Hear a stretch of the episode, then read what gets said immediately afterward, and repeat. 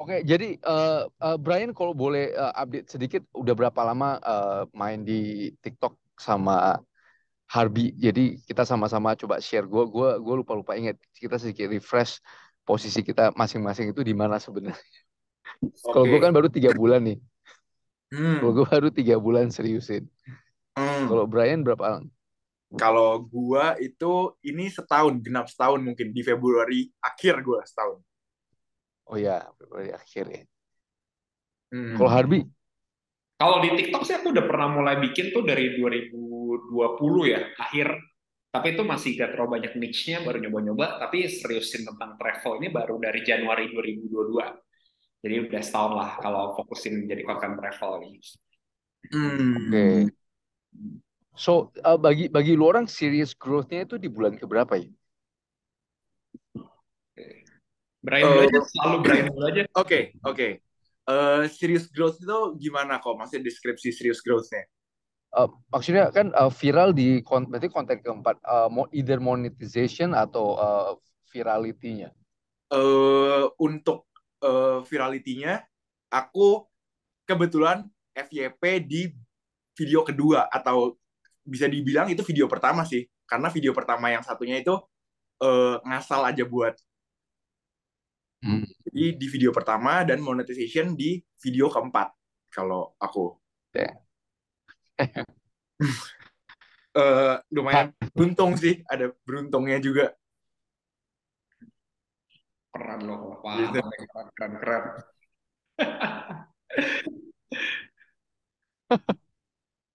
kalau Harbi dari dari gimana tuh ceritanya kayak gimana tuh? Di konten keberapa deh kira-kira? Wah, kalau uh, di konten keberapa sih?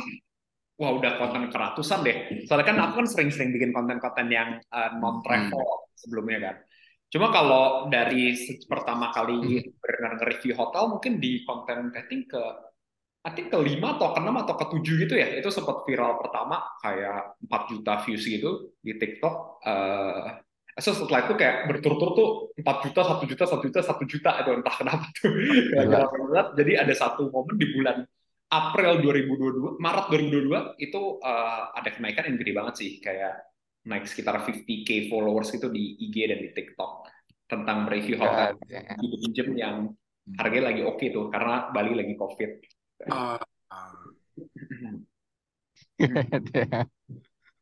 jutaan jutaan view gak ada. Dan uh, si, kalau Arbi seriously mulai mulai mulai dapat uh, eh, uh, apa uh, money makingnya itu di, di di setelah berapa bulan? Aku pertama kali review hotel itu kan Februari 2022. Uh, pertama kali dapat endorse itu tuh di bulan Maret itu uh, setelah video viral itu, tapi oh. baru dapat endorse berbayar tuh di bulan April atau Mei ya. Jadi udah sekitar okay. bulan konten dan mungkin video ke 10-an ya, 10 sampai 15 gitu. Itu pertama kali itu okay. endorsement. Hmm. And gue penasaran, how do you guys uh, uh, bikin apa kayak red card? Berdasarkan apa? Uh, Oke, okay, dari gue berarti ya, uh, Bia. Iya. Yeah. Kalau gue itu awalnya gue uh, gue itu ada panduan lah. Jadi teman gue ada yang namanya Bayem Ryan namanya, uh, dia itu tuh udah mulai memonetize TikTok dia duluan. Jadinya gue mengikuti uh, stepnya dia. Misalnya kayak step dia di rate waktu itu followernya 10k, uh, gue ikutin. Jadi 10k dia misalnya 50 ribu, gue 50 ribu. Atau misalnya uh, udah 20k dia dia 70 ribu, gue 70 ribu juga harga red card 70 ribu rupiah harga red cardnya. Uh, gue mengikuti stepsnya dia waktu itu karena gue belum ngerti cara buat red card. Hmm. Nah tapi kalau untuk sekarang kalau gue buat red card menurut gue eh, gue buatnya berdasarkan kayak gue menurut gue gue seberdampak apa sih sama market gue.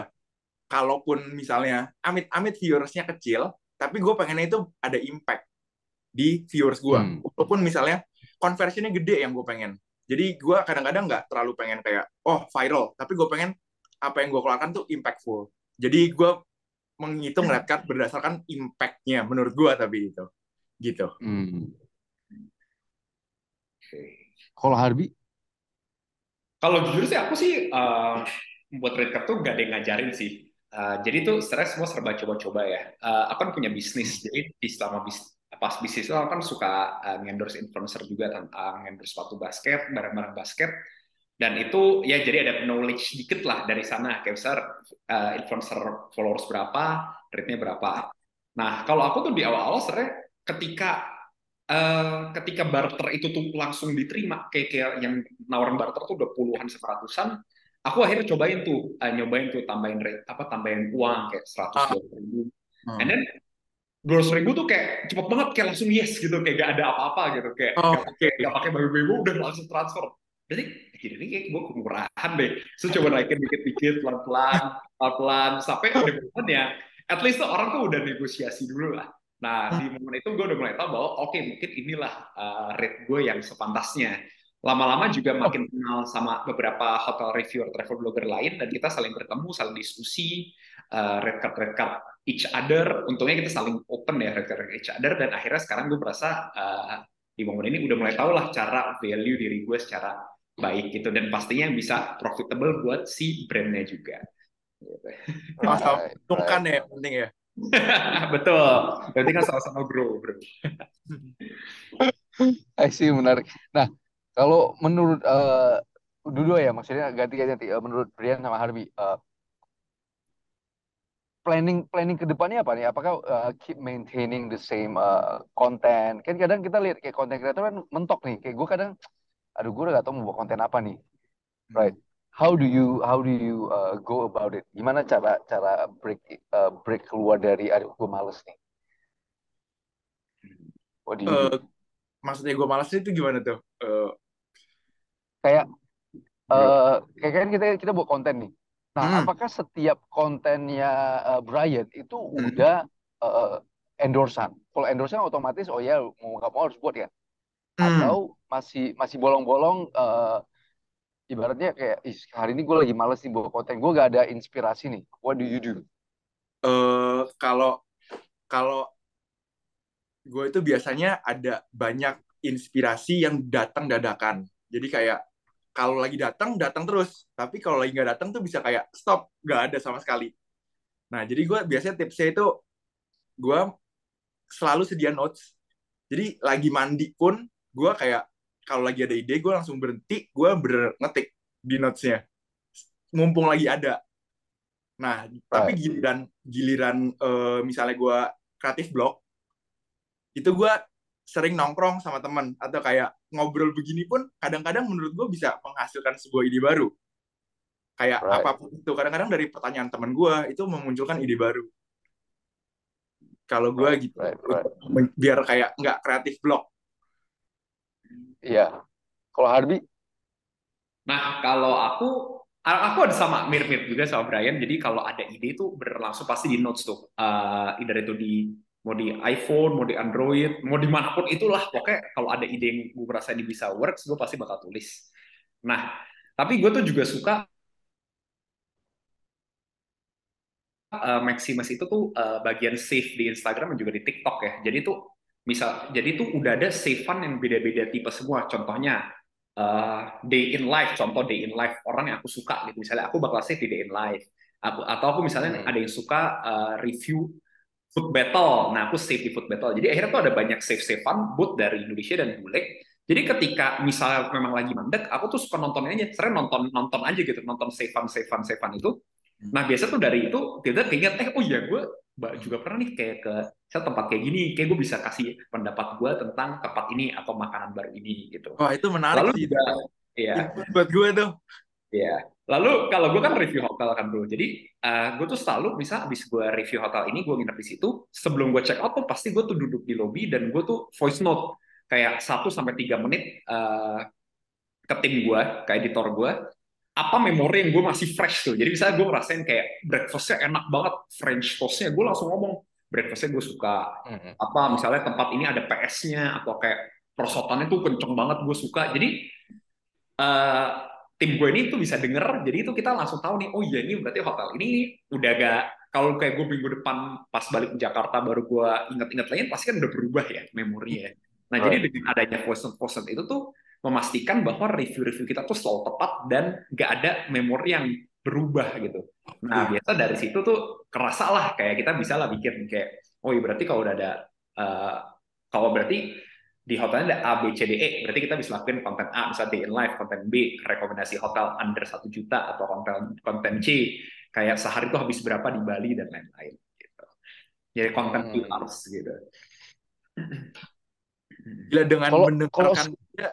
kayak gue bisa, kayaknya gue bakal mencontoh itu deh. Itu bagus banget buat menurut gue. Mantap.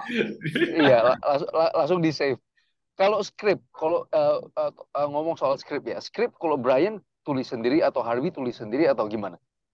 Uh, kalau gue tulis sendiri, kalau biasanya kayak uh, kalau skrip itu menurut gue gue lumayan lama ya buatnya. Kadang-kadang hmm. untuk buat sesuatu misalnya kayak ini review bagus, tapi kalau hooknya nggak menarik itu bisa fail videonya. Jadi hmm. harus dipikir kayak berulang-ulang dan kadang-kadang sampai hamin satu, eh ternyata kayaknya ada yang lebih bagus deh hooknya dan gue ganti. Itu gue ketik sendiri gitu loh. Hmm. Untuk skripnya. Oke. Nah kalau Arbi? Nah jadi kalau konten aku itu tuh aku bagi ada dua tipe konten ya. Satu tipe konten itu tuh namanya tuh uh, idea base, satu lagi tuh yang relationship base. Nah idea base itu tuh jadi tuh kasarnya gini, kayak tiga makanan yang wajib kamu coba di Bali. Kayak orang tuh nonton video itu tuh karena dia tuh pengen tahu tiga makanan itu apa dan gak perlu banyak storytelling gitu kayak A ramen apa, B nasi apa, C dessert hmm. apa dan kalau yang kayak gitu aku biasa uh, minta tim aku, minta editor aku yang langsung bikin script aja. Ya udah uh, pilih ini kan gua aku ada kan list-list makanan yang aku suka banget di Bali. Yuk kita bikin video ini. Dia bikin script. Misalnya kayak ah misalnya gusto gelato kenapa? Karena es krimnya bla bla bla. Jadi aku tinggal ngomong hmm. nah tapi itu ada tipe B itu yang namanya relationship based video di mana tuh di video itu tuh followers kita itu tuh bisa viewers kita tuh bisa merasakan bahwa dia tuh kenal kita. Contohnya kayak kemarin aku tuh bikin video yang cukup ramai. Itu tuh tentang membeli koper yang bisa jalan pakai duit hasil hmm. konten Nah, jadi itu tuh aku aku yang bikin skripnya tuh. Jadi itu ada story-nya, ada setup-nya, konfliknya dan ada resolution-nya. Nah, setup-nya itu kan kita overview kayak apa sih kenapa kayak background kita lah kasarnya lah. Jadi di setup aku bilang kalau aku tuh uh, udah satu tahun nih ngonten karena aku suka memberikan info buat orang-orang agar pas travel gak ketipu.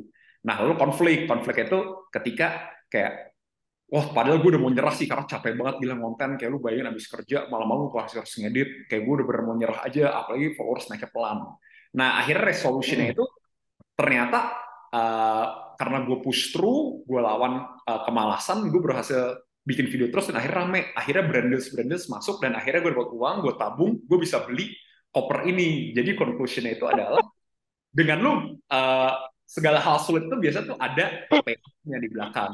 Hmm. Nah, kalau yang relationship uh, konten hampir 100% itu selalu aku yang bikin sendiri. Kayak skripnya, hmm. pokoknya semuanya lah. Video-video, klip-klipnya biasa bikin sendiri. Tapi kalau idea base, itu biasa tim aku yang editor aku yang bikin. Gitu. Hmm. Amazing. jadi jadi menarik. Kadang kadang gini nih, maksudnya kayak gue ya, gue baru mulai dan gue kan sibuk. Jadi gue gak tahu mau kadang konten itu kayak random. Jadi hmm. really di satu titik itu aduh gue gua bikin konten motivational bikin konten-konten kayak begini gak gak rame. Kayaknya yang rame itu kayak konten-konten alay gitu-gitu loh. Jadi sometimes gue bikin this is uh, this apa maksudnya uh, kurang kurang kurang ngepush. Nah cuman kadang gue post uh, dapet lah. Kayak kemarin gue tag uh, bro Brian kan. Masih gue tag hmm. ada nih temen gue yang dia arsitek dia arsitek tapi dia bilang memang gue harus masuk nih ke ranah content creation terus dia dengar uh, podcastnya kita bro dia hmm. bilang ah gara-gara nonton kontennya lu orang gue jadi terinspirasi gue udah tahu nih gue mau buat konten apa right? jadi wow. small little things itu yang bikin gue oh ya I'm, I'm gonna keep uh, moving forward cuma kadang ya ide gue itu habis ya kan gue nggak tahu nih mau ngapain lagi nih Hmm. Right. That's why that's why gue undang lu orang nih. Gue pengen pick your brains. Gue mau tahu dari segi kreatif tuh lu orang approach-nya itu gimana. hmm.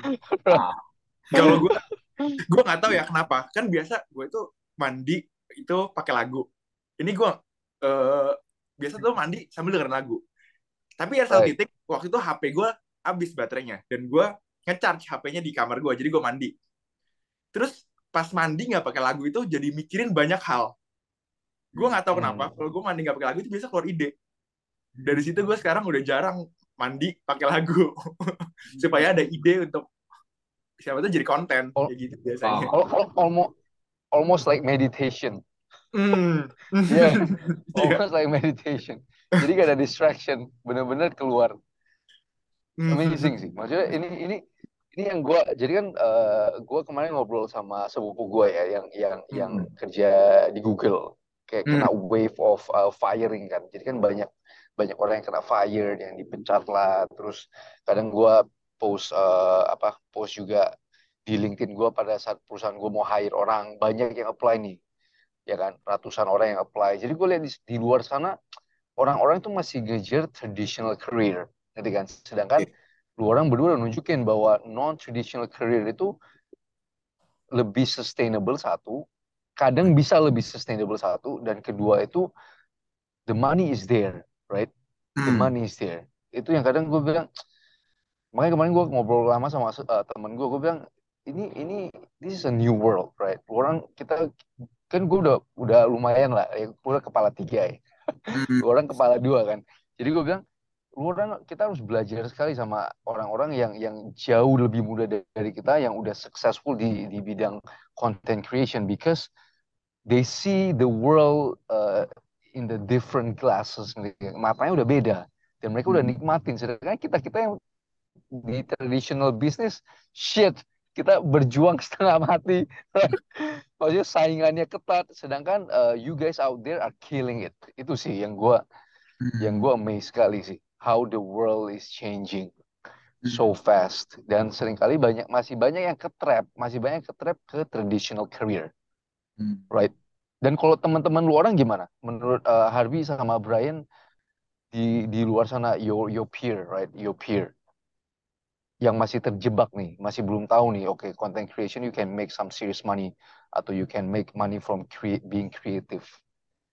Eh, sebenarnya menurut how aku menurut aku kayak eh, nggak masalah sih bro. Jadi kayak memang ada yang jalannya eh, itu bagus kalau mereka berkarir kalau menurut aku right. Karena karena maksudnya eh, mereka lebih jago kalau mereka berkarir dan mereka manage mungkin lebih jago manage orang-orang mungkin lebih jago di lebih teliti Hmm. segala macam.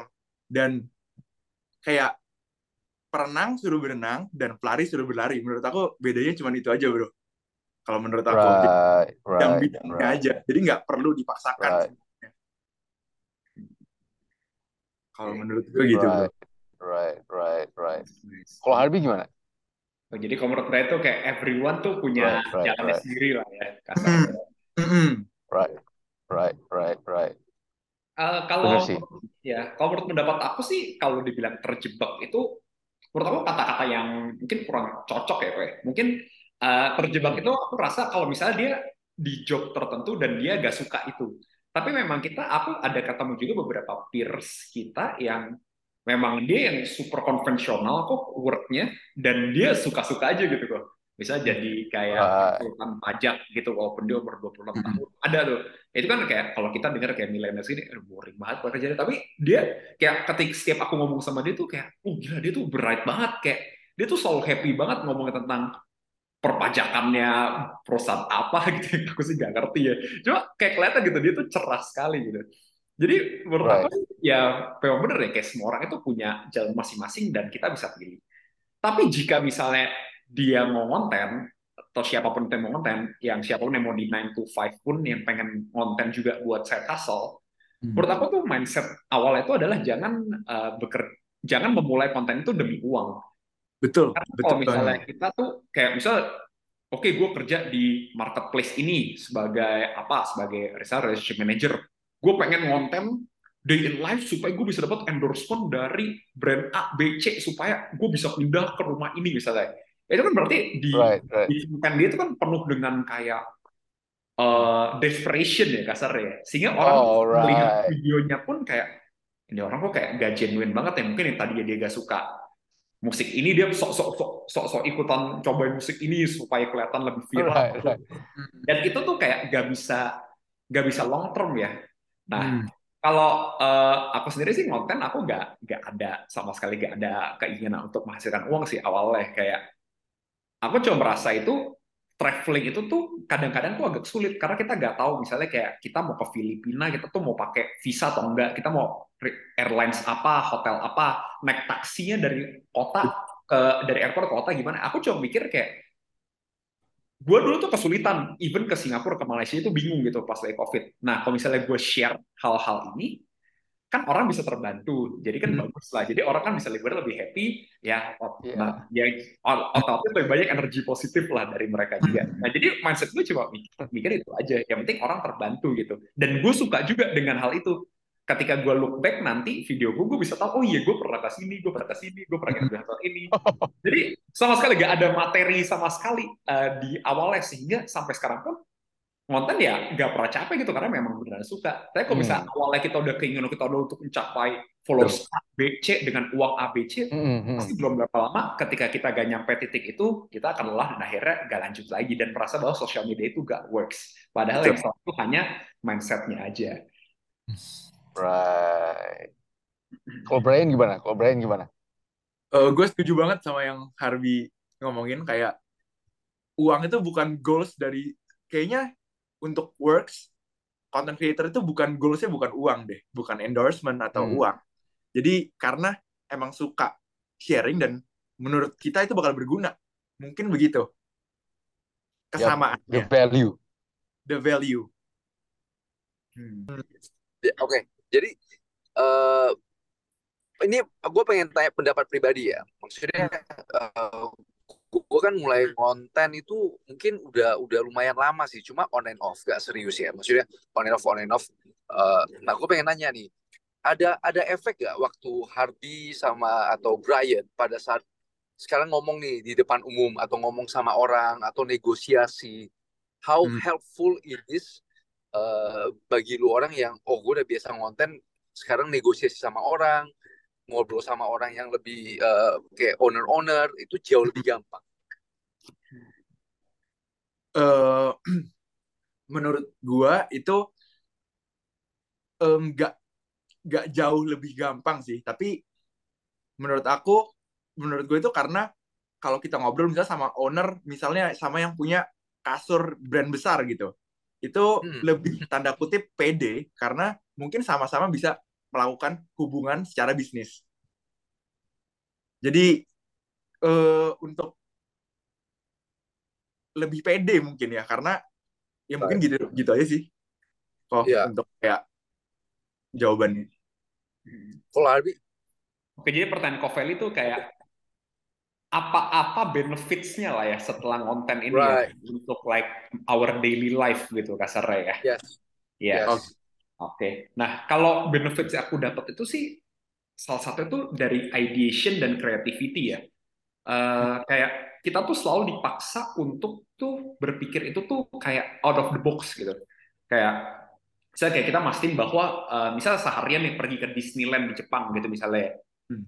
Eh, kita dari instead of kontennya kayak cuma eh, oke gue naik A B C D E F G, kita harus kita kan dipaksa sebagai creator untuk berpikir kayak gimana cara mengemas sehari ini uh, video sebanyak 8 jam ini menjadi satu menit yang sangat menarik.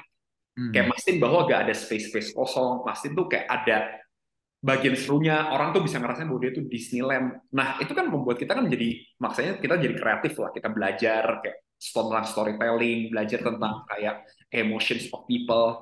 Nah, hal-hal tersebut itu juga berguna banget di kehidupan nyata, di bisnis juga kayak bagaimana kita memastikan bahwa orang itu tuh bisa uh, masuk ke story-nya kita. Misalnya kita mau bikin produk A nih, saya uh, bikin produk sepatu basket A. Nah, kita jadi ada karena sering konten di personal branding, jadi tahu nih, oh iya, orang itu tuh mau membeli tuh karena emosinya sering, bukan karena kegunaannya. Kayak dia tuh pengen beli barang itu Kak, untuk membuat dia merasakan uh, status tertentu. Nah, jadi kita bisa mengemas bahwa oke okay, kita bikin sepatu ini tuh backgroundnya apa, kayak kita harapkan dengan ada sepatu ini tuh kamu bisa ngerasain gimana. Kita harapkan ini tuh bisa positifnya apa untuk anak-anak basket Indonesia. Nah, creativity itu yang dulu uh, ketika aku baru awal-awal jualan tuh susah banget dapet nih kayak gimana mikir kayak konsep launching atau konsep kayak endorsement yang tepat ke KOL. Tapi setelah sering konten di personal branding ini, itu tuh jadi jauh lebih cepat sih mikirnya kayak oh iya berarti iya bener-bener nih kita kita bisa coba nih konsep campaign seperti ini atau kita bisa coba yang seperti ini karena otak otak kanan kita tuh jadi terbiasa banget untuk berpikir secara out of the box untuk menarik perhatian para viewers dan agar para viewers itu bisa mendapatkan benefit dari both konten kita ataupun produk kita jika kita jualan. Right. Nah, gue gue uh, share juga sedikit uh, pengalaman pribadi gue ya. Begitu gue mulai konten, maksudnya bikin konten promotion atau bikin uh, whatever video yang nunjukin mukanya gue, uh. itu gue bener-bener pada saat gue presentasi ya, misalnya kita ada big project segala macam, pada saat gue presentasi ke bos-bos, ke direktur-direktur, jauh lebih uh, tangan gue udah gak dingin lagi. tangan, tangan gue udah gak dingin lagi. Jadi gue perhatiin progression gue lima tahun yang lalu sebelum gue buat konten sampai sekarang. Jadi level dinginnya tangan gue. Sekarang okay. kalau gue udah bikin, kalau gue udah presentasiin segala, oh sekarang tangan gue udah gak dingin lagi kayak dulu. itu sih so gue cuma pengen share ke pendengar bahwa uh, salah satu benefit dari dari pushing uh, ourselves untuk bikin konten itu secara hmm. psikolog itu benar-benar membantu either lu either either lu di bisnis yang uh, tradisional atau non tradisional right itu sangat hmm. membantu sih itu itu pribadi pendapat pribadi dan it's confirmed by you guys, right? Hmm. Dari segi kepede, right? Dari segi thinking outside the box, dari segi gimana kita ngemasin sesu sesuatu. Kayak sekarang gue presentasi ke ke owner-owner juga sekarang gue bikin slide gue itu seperti cerita yang sebelumnya itu cuma hmm. data-data, right? Cuma taruh aja data. Sekarang gue udah bener-bener bikin, oh ini harus ada introductionnya, ini harus ada karakternya, ini harus ada hmm. dramanya, ini harus conclusionnya, harus bisa tie di entire presentation. Hmm. Itu yang gue ngerasain banget sih dari dari content creation yang yang it's it's it's amazing sih. Biarpun it, it's unconscious, tapi sekarang gue mulai sadar hmm. itu efek dari kita bikin konten kan kayak si Arbi bilang, oke okay, gue ada 8 jam nih, gimana gue cara bikin supaya di satu menitnya menarik, right? Itu itu itu luar biasa sih my god itu luar biasa dan keren nah, banget uh, menurut gue kok kayak dan kan merangkumnya mesti lebih padat dan lebih jelas kan kalau Harbi dalam waktu 8 jam dijadikan satu menit dan yang mana aja yang menarik itu susah menurut right. gue. Nah, kalau bagi lu orang ada ada recycle konten nggak? Lu orang ada recycle konten atau enggak? Uh, kalau gue, gue ada recycle konten tapi di, dari sudut pandang yang berbeda kok. Jadi misalnya satu hmm. item, item ini misalnya kemarin gue pakai buat duduk, ternyata bisa jadi sandaran juga, kayak gitu. Hmm. Uh, itemnya sama, tapi dari sudut pandang yang berbeda hmm. untuk kontennya. Kalau Arbi? Oke, pertama, uh, eh, gue senang banget ya kok, kayak thank you banget kok udah sharing uh, tentang tadi. Kayak gue senang banget bisa dengar kok tuh merasa kayak sekarang jauh lebih pede, ketemu ketemu orang, So kayak aku kan juga lihat konten Koko tuh konsisten banget ya uh, di TikTok. Aku kayak Koko sering live juga dan itu tuh uh, benar uh, eye opening moment sih. Soalnya kan aku sering nih denger ya saya kayak teman-teman yang kayak udah lebih senior kayak kakak-kakak kelas gitu kayak bilang kayak ya aku cerita saya kayak mereka kan tahu aku konten gitu kayak udah lama gak ketemu mereka bilang aku konten ya so aku bilang kayak kayak iya konten aja konten tuh banyak banget loh benefitnya uh, gak cuma uang gitu kayak banyak banget hal tapi mereka banyak yang memakai alasan kayak oh, udahlah gue udah punya anak bro atau kayak udah right. gue udah segini udah ada waktu tapi dengan Koko bisa konten seperti ini uh, lalu open juga dengar uh, pendapat dari mau yang lebih tua atau yang lebih muda seperti kita itu tuh benar ngebuktiin bahwa uh, age itu tuh bukan halangan gitu untuk berkreasi dan memberikan dampak positif bagi dunia jadi buat Koko, uh, Koveli dan Bisbis uh, semangat terus ya kayak majunya ya kayak thank you, thank you. benar keren banget. thank you, thank you. I will try my best. I'll try my best. Eh, balik ke pertanyaan tadi kok kalau ya. recycling ya. konten ya kok ya.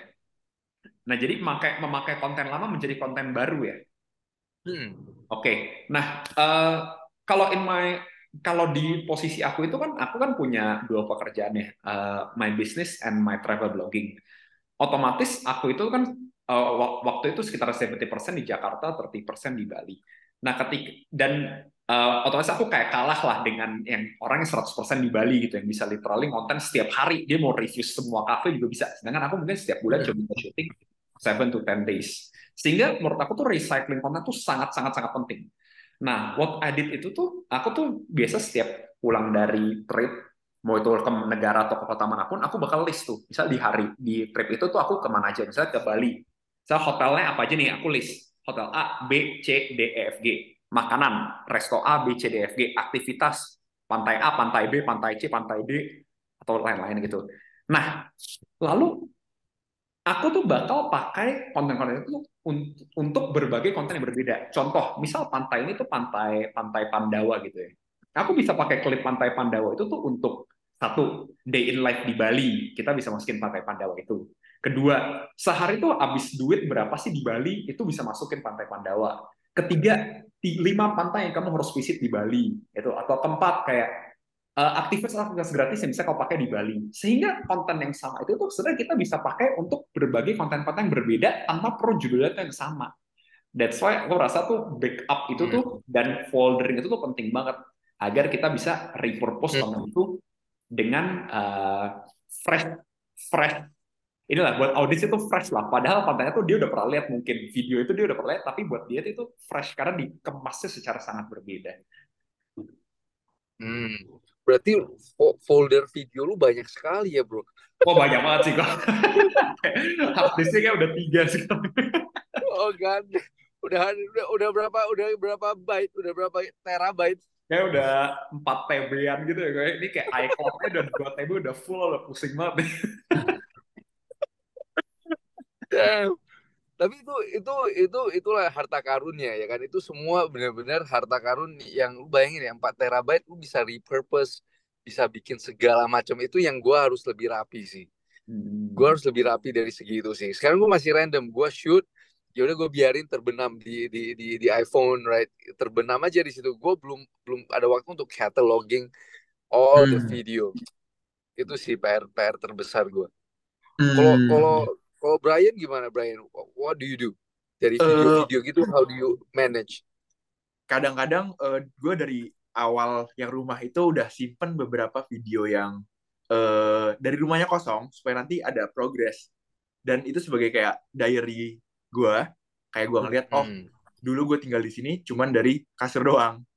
Dan oh sekarang udah ada sofa, oh sekarang udah ada karpet. Jadi kalau pun misalnya ngeliatin TikTok gue, itu gue simpen gue simpen semua semua videonya tapi belum sampai 4 terabyte sih sebenarnya karena Google Drive masih cukup kalau gue jadi kayak nih misalnya kayak ruang ruang tamu yang masih kosong habis itu kayak uh, dan itu nggak bisa keulang lagi karena ya memang kosong aja gitu terus right.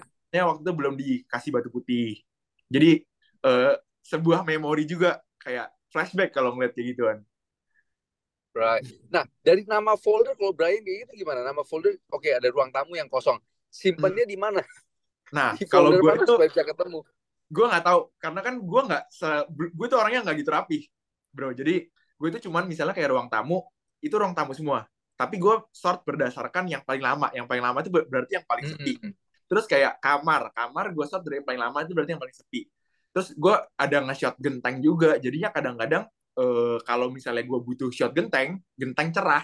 Jadi misalnya uh, lagi waktu yang uh, cerah gitu, bukan hujan, mm-hmm. gue udah ada simpan. Dan kalau misalnya lagi hujan, gue juga ada simpan. Jadi gue bisa ngambil itu aja untuk supaya videonya aesthetically pleasing dan gue nggak perlu lagi untuk ngetik lagi. Right. gitu. Right. Mm, I, I should start doing that. Kalau Harvey katalogingnya berdasarkan apa Harvey? Oke. Okay. Jadi itu berarti banget itu berarti bener kayak attention to details banget ya. Jadi memastikan bahwa orang tuh bisa lihat genteng ini tuh boot dalam hujan, gelap, terang, gitu. Yeah. bisa rasain bahwa rasanya punya rumah ini tuh kayak gimana sih gitu ya. Iya jadi kayak kadang-kadang tuh mood videonya itu ada moodnya kayak menurut gue tuh ada moodnya untuk orang merasakan. Jadi walaupun gue kayak ngomongnya kadang-kadang misalnya kayak nge-review tentang tips nih tips rumah itu kayak misalkan ngomong kayak gini nih langsung ke kamera tapi ada scene-scene video yang oh ini moodnya bakal kayak hujan atau apa kayak gue gue menyesuaikan gitu Wah, kadang-kadang ini jago main Iya perasaan sih. nih kok ya Brian ya kok ya. Jago main perasaan gitu. Jadi dia Iya nih. enggak. Bra- Brian Brian video Brian very aesthetic sih. Gue demen sekali sih. Makanya temen gue yang arsitek itu dia bilang, oh this guy gue demen sekali dengan eh, dengan gridnya si Brian. Jadi orang-orang arsitek itu orang-orang yang artsy itu pasti tertarik sekali sama sama how Brian shoot the video. Nice, nice. Give it up Brian. Gue Iya. itu gue Iya, gue maksudnya nggak tahu very very pleasing, very very pleasing.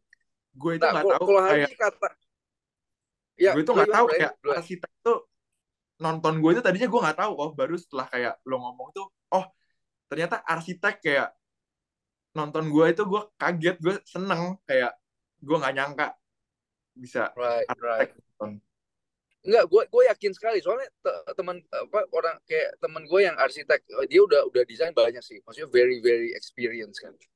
Dan dia aja sampai terinspirasi, oh this guy is really nice dari dari segi dia shooting video, dari segi suaranya, pemilihan lagu. Jadi kemarin gue ngobrol lama sekali sama teman gue yang arsitek ini, dan dia dia terinspirasi sama konten kita, quite quite quite proud sih, quite proud dengan diskusinya kita. Mantap nih Brian. right, right, right. Nah, balik balik tadi ke Harvey. Harvey yang te 4 terabyte itu, gua gua masih penasaran nih. How do you catalog your video? Oke, eh, selalu itu per kota ya kok. Jadi eh, per negara dulu sih pertama saya kayak Indonesia, Singapura, Malaysia, Jepang, dan negara-negara lain gitu. Nah, lalu bagi ke kota-kotanya, jadi ntar di folder itu tuh udah ada tuh, misalnya Jakarta, Bandung, Samarinda, Balikpapan, Bali, Lombok, segala macem. Nah, lalu di dalam folder lagi tuh ada hotels, villa, makanan, dan juga activities. Nah, dan yang dan yang kelima itu tuh day in life. Ya, jadi kalau di day in life itu tuh aku tuh uh, nulis kayak reminder aja sih kayak aku hari itu tuh misalnya tanggal 27 27 Januari aku pagi nyobain archery, siang water sport, sore makan babi guling, malam ngapain gitu. Nah, Aku udah dalam itu ya udah klip-klipnya aja. Jadi misalnya hotel apa misalnya Hilton. Jadi ada folder Hilton isi itu semua video aku di Hilton ratusan itu.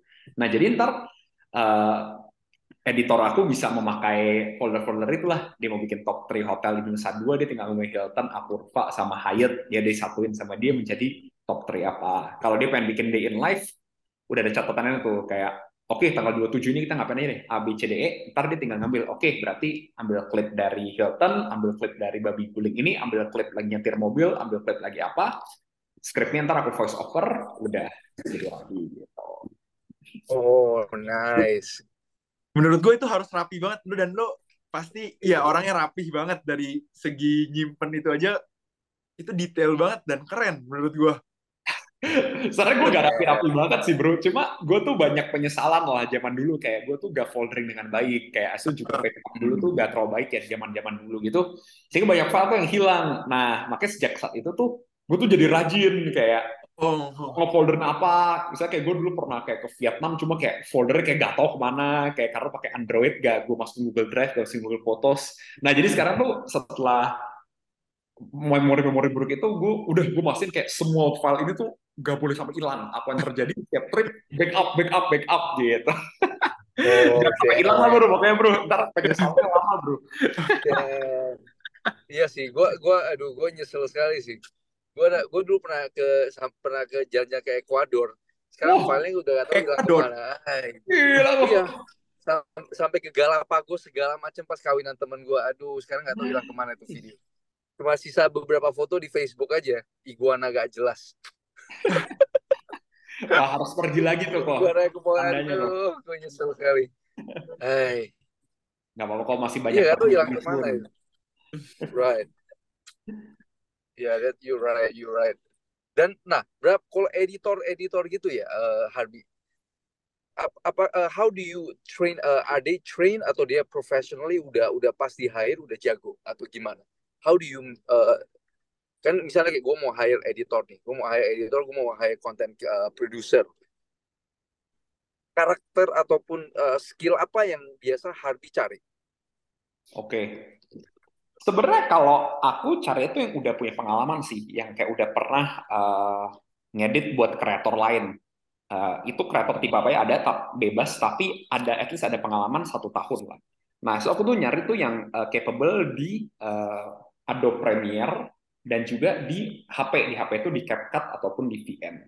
Nah, lalu aku biasa minta ini sih, minta portfolio mereka, lalu aku lihat video-video mereka Nah, so pas interview, aku tanya pertanyaan-pertanyaan yang agak menjurus ke konten-konten aku dan juga konten-konten travel.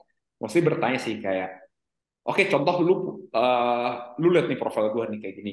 Menurut lu video yang bakal bisa rame tuh video kayak apa? Coba lu tulis ke gue contoh-contoh 5, 5 video gitu misalnya. Nah, biasa dari situ tuh kelihatan tuh orang yang kayak niat, atau orang yang kreatif, atau orang yang rajin. Nah, sekelihatan. Lalu, hmm ya udah sih asu ya hiring ya uh, tapi kalau misalnya gak cocok hmm. ya gak usah takut untuk let go-nya cepat ya kita jangan uh, inilah right. ya, harus jangan berani trial and error lah trial and error udah kayak buat kerjaan biasa aja kayak trial and error kalau misalnya gak cocok ya udah don't uh, don't be afraid to let hmm. go uh, ambil knowledge-nya agar kamu lebih tahu yang lebih cocok tuh kayak apa apa gitu. Hmm. Iya, yeah. oke. Okay. Soalnya gue lagi lagi proses kemungkinan ada hiring uh, content producer ataupun editor cuman ya itu gue gue penasaran nih kalau misalnya teman-teman pendengar juga yang lagi mau cari content uh, editor producer inilah kira-kira yang kita harus cari karena kan susah kan maksudnya kita untuk produce konten apalagi kreatif ya kreatif itu kan butuh butuh apa ya butuh sesuatu yang beda sama kayak kita kerja tradisional ya. Hmm. itu yang yang yang susah dicari sih. Hmm. right kalau si uh, Brian udah ada udah ada konten uh, udah udah ketemu belum? Terakhir kan ada hiring gue lihat. Uh, udah ada tuh sendiri? Uh, terakhir seperti yang gue bilang gue orang yang berantakan makanya gue butuh PA yang mengatur jadwal dan uh, ngebalas-balasin brand deals hmm. nah udah ketemu udah ketemu udah ketemu oh nice nice udah nice. ketemu akhirnya right dan uh, efeknya apa? Efeknya apa? Uh, efeknya gue jadi lebih rapih. Jadi maksudnya kadang itu gue kemis kerjaan-kerjaan kecil atau kayak gue itu kadang-kadang to-do list gue itu berantakan. Ide gue itu kadang-kadang membludak sampai ada titik kayak gue skip-skip. Misalnya uh, gue tiba-tiba ada empat ide. Dan gue langsung catat semua itu di notes. Tapi pada saat pengerjaannya, gue mengerjakan A seperempat, B setengah, C setengah, D seperempat. Hmm. Dan nantinya nggak kelar. Nah, setelah ada PA itu membantu gue menyelesaikan kayak to-do list gue dengan rapih dan uh, ada jalurnya gitu. Right. Iya, penting sih. Iya, ini, ini gue, gue udah harus saya PA juga. khusus khusus untuk konten-konten gue karena sama nih sekarang kan gue gue mau seriusin di satu sisi gue mau seriusin gue hmm. bikin konten ya kan tapi di satu sisi itu ya maksudnya gue banyak ide tapi belum ada belum ada belum ada belum ada uh, kayak Randy Randy kan bantu gue untuk setting jadwal lah kadang bantu gue uh, apa. Bantu bikin uh, video lah ya kan cuman uh, saking banyaknya itu belum belum terlalu rapi hmm. dan hmm. kadang gue nggak tahu nih gue mau bikin konten apa nih kayaknya gue butuh seseorang yang kreatif untuk bisa dorong oke okay, gue coba bikin konten soal ini bikin konten soal ini videonya mana itu sih itu that's one of uh, kayak itu yang gue harus mulai mulai ke arah sana sih kalau mau make this some serious serious content making hmm. Content making kalau nah gue pengen tanya personal uh, personal apa personal opinion nih setelah lu orang lihat konten-konten gue ataupun lu yang lihat gitu-gitu hmm uh, yang bisa gue bagusin apa nih? Luarnya udah lama. Kalau orang lihat konten gue, oh kok ini kayaknya ini ini harus dibagusin dari segini nih. What do you think? Apa personal opinion ya luar? Hmm, kalau dari aku kemarin itu kan yang pas ngepost yang ada yang aku, maksudnya yang kita ngobrol itu. Kok uh. itu kayaknya menurut aku tuh harusnya kayak kita ada foto berdua dulu di awal, habis itu kayak nggak perlu di background image gitu kok menurut gua. Maksudnya kalau ini okay. dari sudut cuman kelihatannya aja sih. Right. Kayak visualnya right. secara visual. Tapi sejauh ini obrolan dan bobotnya itu udah selalu berisi kok Feli. Oke. Okay. Kayak menurut aku visual visual visually mesti enak dulu dilihat misalnya kayak uh, Iya. di awalnya itu itu menurut aku bisa memaintain uh, orang nontonnya lebih lama. Hmm. Right, iya sih. Gua gua kadang random sekali. what, what, what do you think, Harvey? What do you think? You, you have uh, sebagai content creator senior nih, lu please kritik my my my my content. Kalau eh, dari pendapat aku sih kok, aku tuh sering banget lihat kayak eh, orang yang podcast ya kok, misalnya kayak satu jam gitu ya. Satu jam itu kan podcast lama sekali ya. Nah, tapi Hmm. gimana tuh bisa membagi eh, satu jam itu tuh menjadi kayak 30 konten berbeda kok. Dengan memotong-motong bagian-bagian penting. Contohnya, misalnya kayak bagian ini kayak eh, mungkin kok bisa bikin kayak video gitu, tulisan gede gitu putih di atasnya kayak eh tips untuk menentukan red card bagi kreator baru. Nah, saya taruh klip tadi Brian lagi ngomong tentang red card itu. Jadi itu eh menurut aku tuh kalau orang yang suka long form video itu Hmm. itu banyak loh kayak long form itu kan yang kayak podcast gini. Cuma orang tuh lebih Iya. banyak suka for short formnya. Betul. Karena orang tuh dari short formnya baru akhirnya datang ke long formnya gitu. Nah, eh, jika aku jadi Covelli, mungkin aku bakal look lagi sih ke konten-konten yang udah pernah direkam, lalu bikin notes gitu kayak mungkin kayak menit segini kayak bisa nih dijadiin konten ini, menit segini jadiin konten Hmm. ini. Nah, lalu eh, minta editornya untuk nge-cut bikin video jadi video pendek di TikTok. Eh, jadi kan kayak gak usah banyak effort lagi, tapi udah bisa jadi banyak konten. Betul banget itu Right. sama Har itu keren banget Harvey. Oh, terima kasih, terima kasih. Sa- jadi Bray. Salah satu bagian recycle konten juga ya. Betul, betul. Repurpose ya. Post konten. Iya sih, maksudnya banyak sekali kalau gue kumpulin kan pasti banyak sekali. Ini yang gue harus mulai mulai rapiin sih. I think I should build a team of uh, uh, editor yang benar-benar bisa baca, terus dia kreatif untuk bisa, oke, gue cut ini, gue cut ini, gue cut ini. Coba kita uh, repurpose dan kita uh, taruh di short form, ya kan? Hmm. Kayak di, ya gue sering lihat GRE punya uh, Joe Rogan punya di YouTube, YouTube Short. Di orang suka suka suka repurpose kan, suka Iya. suka cut dari dari dari podcastnya dia dibikin uh, short YouTube Shorts. Ya, Hmm. I think we should do that. I think I should do that. Nah. Uh, guys, ini kan udah mau jam 9. As usual, gue gak mau uh, take up too much time. But it's been fun, man. It's been in, uh, it's been fun uh, chatting with you guys. Maksudnya gue bener-bener terbuka sekali sih. terbuka sekali. Uh, maksudnya gue gue terbuka dan gue merasa lu orang itu bener-bener uh, bring so much value ya, so much value yang dibanding konten-konten sampah yang lainnya ya. Kan terlalu banyak ya konten-konten sampah. But you guys uh, itu kayak fresh, uh, fresh apa ya, fresh konten yang bener-bener bring so much value. Makanya gue gua appreciate sekali sih, lu orang uh, udah mau uh, really help ikut uh, join uh, di diskusi ini untuk diskusi. I really appreciate it. Nah pesannya, pesan seperti biasa, pesan-pesannya lu orang itu apa? To the uh, to the listener. Brian bisa uh, go ahead. Ya. Oke, Eh, pesan aku ke listener. Hmm, mungkin Harvey dulu ya, aku belum kepikiran. Oke. Harvey kalau ada ada Kalau ada yang mau di Ya. share. kalau final message aku sih seperti apa yang aku suka banget ngomong ke eh, baik teman-teman yang nanya tentang bagaimana cara jadi content creator itu. Menurut aku tuh yang paling penting adalah ketika mau jadi ketika mau konten, pastiin kamu tuh benar suka banget dengan topik tersebut. Kayak jangan gak usah berpura-pura gitu kalau misalnya gak, gak, gak, gak suka sama musik jazz ya gak usah sok-sok suka musik jazz gitu. Kalau misalnya lu sukanya keroncong and you want to talk about musik keroncong, it's completely okay. Mungkin lu merasa, ah tapi ntar yang dengerin kan dikit, yang suka keroncong kan dikit.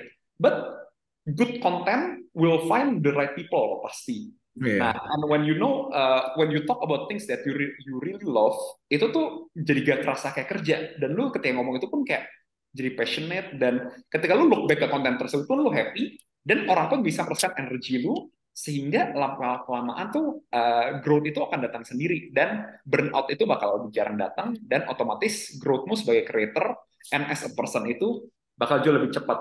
So yang final message aku adalah if you want to make content, make sure that you really like it or you really know about it, so you don't feel tired talking about it. Hmm. Hmm, nice. Kalau dari gue mungkin kayak uh, duit itu bukan goalsnya kalau untuk konten awal. Itu aja sih. Kayak Ya. duit bukan goalsnya, Oh. tapi tapi kepuasan kita buat konten itu adalah goalsnya untuk di awal. Right, right, right. Iya. Jangan jangan salah fokus, ngerti ya? Jangan jangan fokus ke ke hal-hal yang yang eh, ibaratnya yang bukan passionnya kita, tapi kita maksain untuk dapat duitnya gitu ya kan? Betul, sisa duit itu bakal Ya, mengikuti. Right, right. We do it what we like. Inilah maksudnya ini yang gua gua sekarang mulai dulu gua nggak percaya namanya passion ya. Dulu jujur ya sebelum mulai gua ketemu lu orang itu gua itu sangat nggak percaya. Oke, do not follow your passion. Lu kerja dulu dapat duit, lu baru follow your passion. Tapi sekarang gua makin lihat dengan era internet ini dengan democratization of uh, information. Justru sekarang orang-orang yang following the passion seriously ikutin jatuh bangunnya di orang lah yang sukses.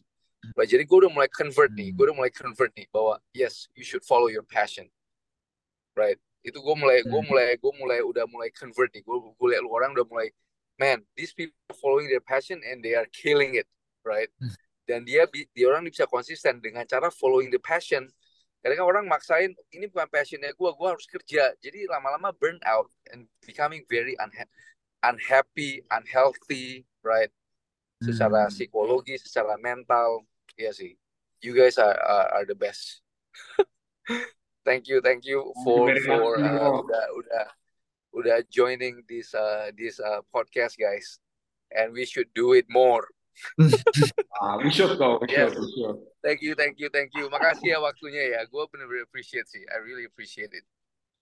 Thank you, Iya, Kope. Thank you very much juga Ko Feli dan Randy yang udah apa uh, apa nge ngebikin acara ini dan thank you juga Brian ya banyak banget insights yang luar biasa Uh, so thankful juga bisa ada di diskusi ini kali ini hari ini Yeah. thank you, thank you. Have a good night ya. Gua udah udah satu jam lagi sampai Medan nih. Safe, safe trip kok Ya. Safe trip, Oh Ko. ya, thank you.